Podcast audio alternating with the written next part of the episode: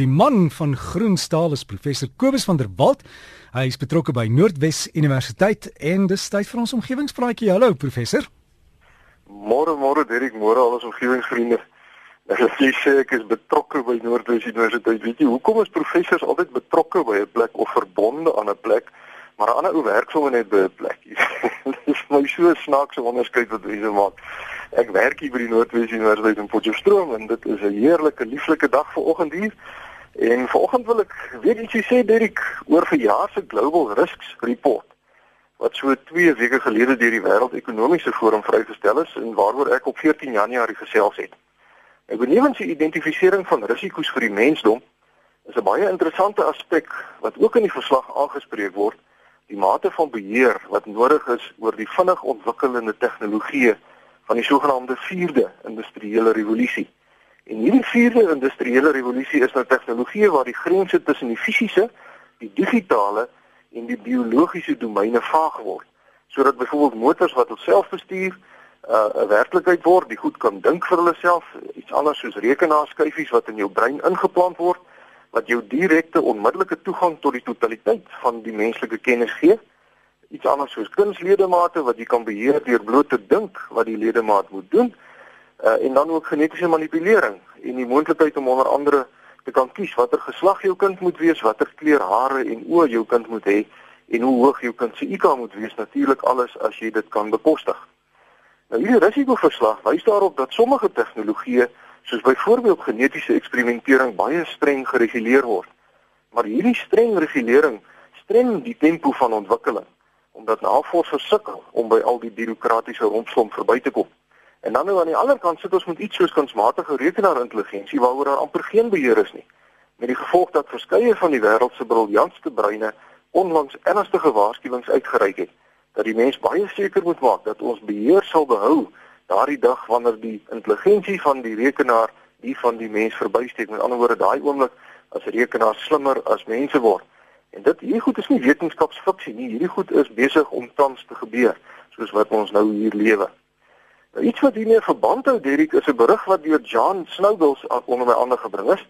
En die titel van die berig is Civilization was pretty great while it lasted, wasn't it? En dit hou nou verband met die doomsday klok wat hierdie week in die nuus was.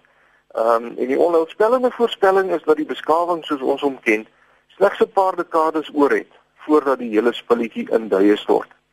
En volgens 'n span navorsers, hulle is toegepaste wiskundiges, natuurwetenskaplikes en ook sosiale wetenskaplikes van die nasionale sosio uh, sosio omgewingsentrum in die FSA is die moderne samelewing gedoem omdat daar fundamentele foute is met die struktuur van ons ekonomie en ook van ons samelewing.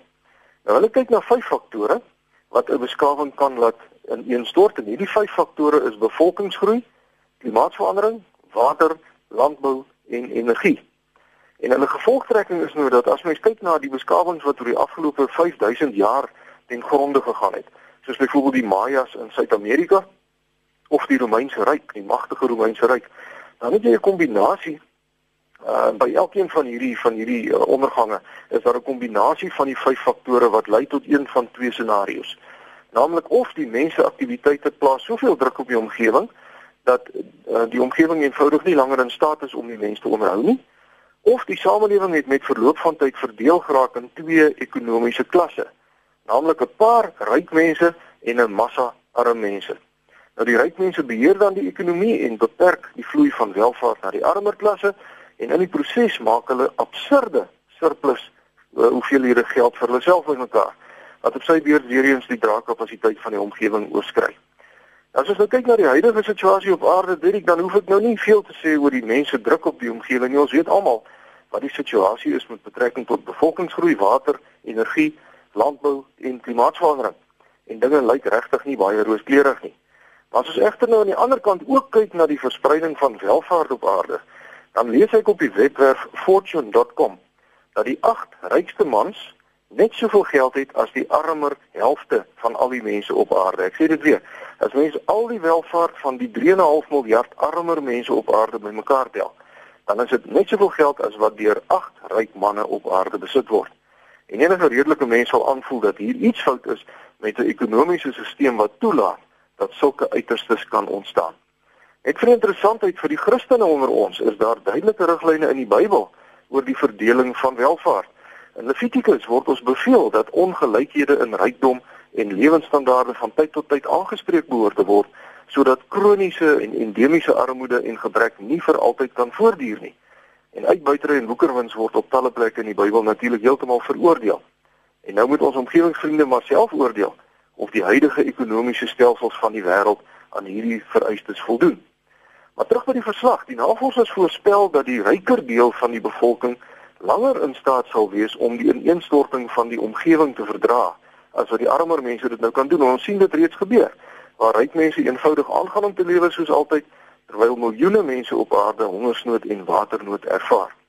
As jy geld het en die kos word minder en daarom duurder, dan betaal jy maar 'n bietjie meer vir daardie kos, maar die massa armer mense het nie altyd daardie leksheid nie. Die verslag sê verder dat baie mense sê dat tegnologie wel die huidige beskawing sal red. Maar die navorsers verskil hiervan want hulle sê tegnologiese ontwikkelinge is maar eintlik hoofsaaklik daarop gemik om die ryker deel van die bevolking toe te laat om eenvoudig aan te hou leef soos wat ons nog altyd lewe. En elke tegnologie het ook 'n negatiewe effek. En die netto resultaat is dis steeds een van 'n ineenstorting van die huidige beskawing oor 'n paar dekades.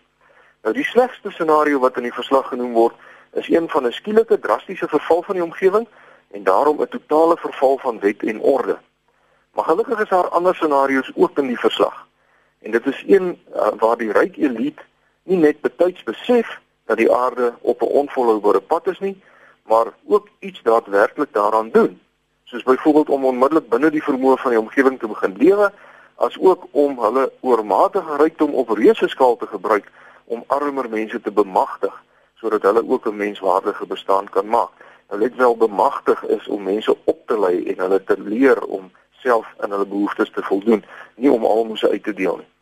Nou daardie scenario maak my baie positief want ek sien sulke goed ook gebeur in hulle duisende. Nou ja, die tyd sal leer of ek nou ryk is, uh, gaan die ryker mense uh, betyds die nodige aanpassings maak. Ehm um, en die verslag eindig met 'n stelling wat ek heel hartig ondersteun en dit is dat mense wat dink dat jy beide 'n ewig groeiende ekonomie en ook 'n gesonde omgewing kan hê, verkeerd is. As die mense hom nie sy getalle beheer nie, gaan die natuur dit vir ons doen. Die omgewing uh, gaan steeds agteruit, maar baie mense op aarde lewe asof daar niks fout is nie. Maar ons moet oppas want omdat ekostelsels baie skade oor 'n lang tyd kan absorbeer, word onnoosal optrede nie onmiddellik gestraf nie. En daarmee sluit ek af vir oggend. Uh, omgewingsvriende kan gerus vir my skryf. My rekenaaradres is kobus.vanderwalt@nwu.ac.za of u kan deelneem aan Omgewingspraatjies se Facebookblad. En daarmee wens ek 'n heerlike dag vir almal toe en vriendelike groete tot 'n volgende keer. So gesels ons dan met professor Kobus van der Walt van Noordwes Universiteit en daai e-posadres is kobus.k kobus.vanderwalt@nwu.ac.za en daar's ook die Facebookblad gaan kyk daar vir omgewingspraatjies. Sluit aan by ons groep en kan jy ook baie inligting daar kry